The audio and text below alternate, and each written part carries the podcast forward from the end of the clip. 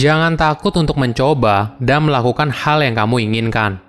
Halo semuanya, nama saya Michael. Selamat datang di channel saya, Sikutu Buku. Kali ini saya akan bahas buku The Big Leap karya Gay Hendricks. Sebelum kita mulai, buat kalian yang mau support channel ini agar terus berkarya, caranya gampang banget.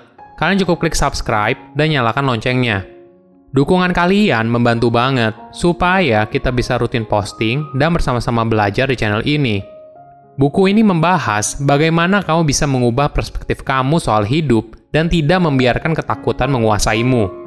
Pada dasarnya, setiap orang punya mimpi, tapi tidak semua orang berani menjalani hidup sesuai mimpinya. Hidup kita ditentukan oleh perilaku kita, tantangan yang kita ambil, dan alasan yang kita buat. Sayangnya, kita semua memiliki mimpi yang tidak pernah diwujudkan karena alasan yang dibuat terus-menerus.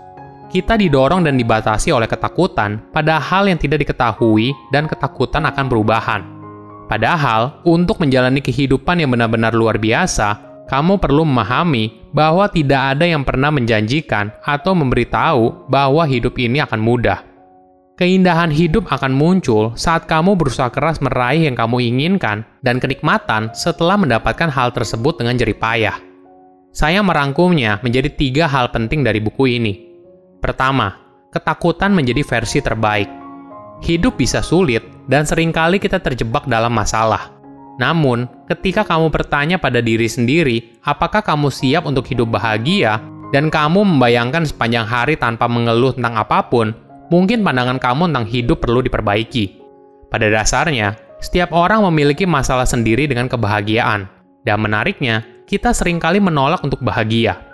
Jika kita berusaha mencari tahu kenapa, ternyata ada ketakutan di sana kamu mungkin takut mencapai potensi diri kamu yang maksimal, karena jika kamu melakukannya, tidak akan ada lagi alasan jika impian kamu tidak menjadi kenyataan. Kamu mungkin memiliki berbagai mimpi yang kamu simpan untuk dirimu sendiri karena tampaknya tidak realistis atau di luar jangkauan. Di banyak kasus, diri kita pribadilah yang menahan diri untuk mencapai apa yang kita inginkan dalam hidup. Kita ternyata punya sebuah batasan imajiner tentang bagaimana sebuah hidup yang bahagia. Apabila kita mendekati atau nyaris melewati batasan tersebut, maka kita cenderung menyabotase diri kita sendiri. Hal ini juga berkaitan dengan adanya ketakutan dalam mewujudkan mimpi dan meraih potensi diri yang maksimal. Hendricks menyebutnya sebagai upper limit mindset.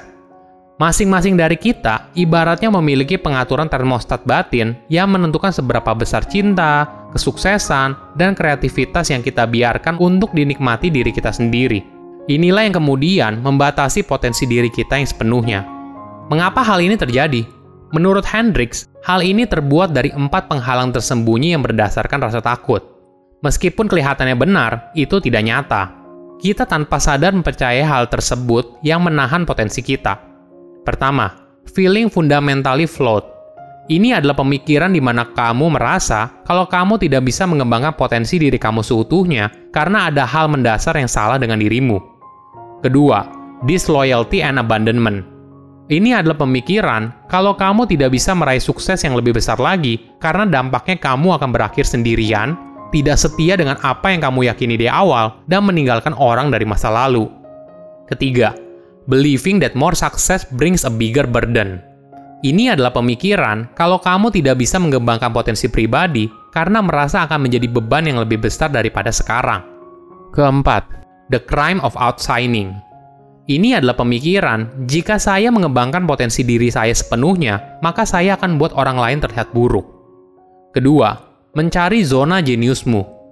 Apakah kamu pernah bekerja sangat fokus sampai lupa waktu?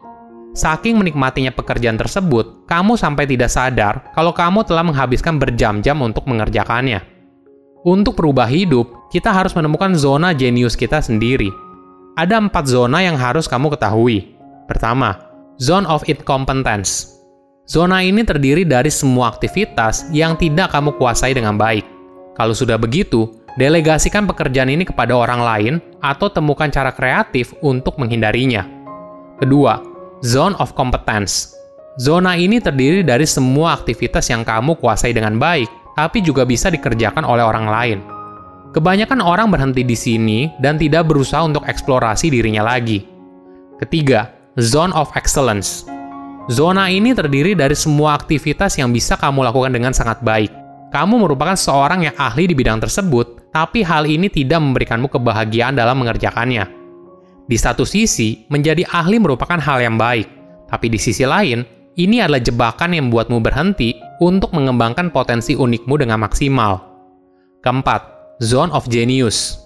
Zona ini terdiri dari semua aktivitas yang memberikanmu kebahagiaan dan merupakan potensi unik dirimu. Ketika kamu mengerjakan hal ini, bukan hanya hal ini akan membawamu kesuksesan, tapi juga kebahagiaan batin. Pertanyaannya sekarang seperti ini. Bagaimana untuk bisa masuk ke dalam zona jenius?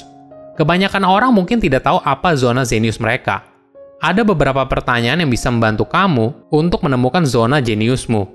Pertama, aktivitas apa yang saya suka lakukan? Aktivitas atau pekerjaan apa yang bisa membuat saya mengerjakannya selama berjam-jam tanpa merasa bosan?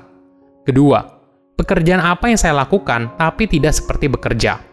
Ketiga, pekerjaan apa yang memberikan saya kepuasan saat mengerjakannya? Pertanyaan ini akan membantu kamu untuk mencari tahu apa zona jeniusmu. Mungkin ini butuh waktu untuk eksplorasi diri, dan tidak semua orang bisa punya kesempatan untuk menjalani zona jenius dalam hidupnya.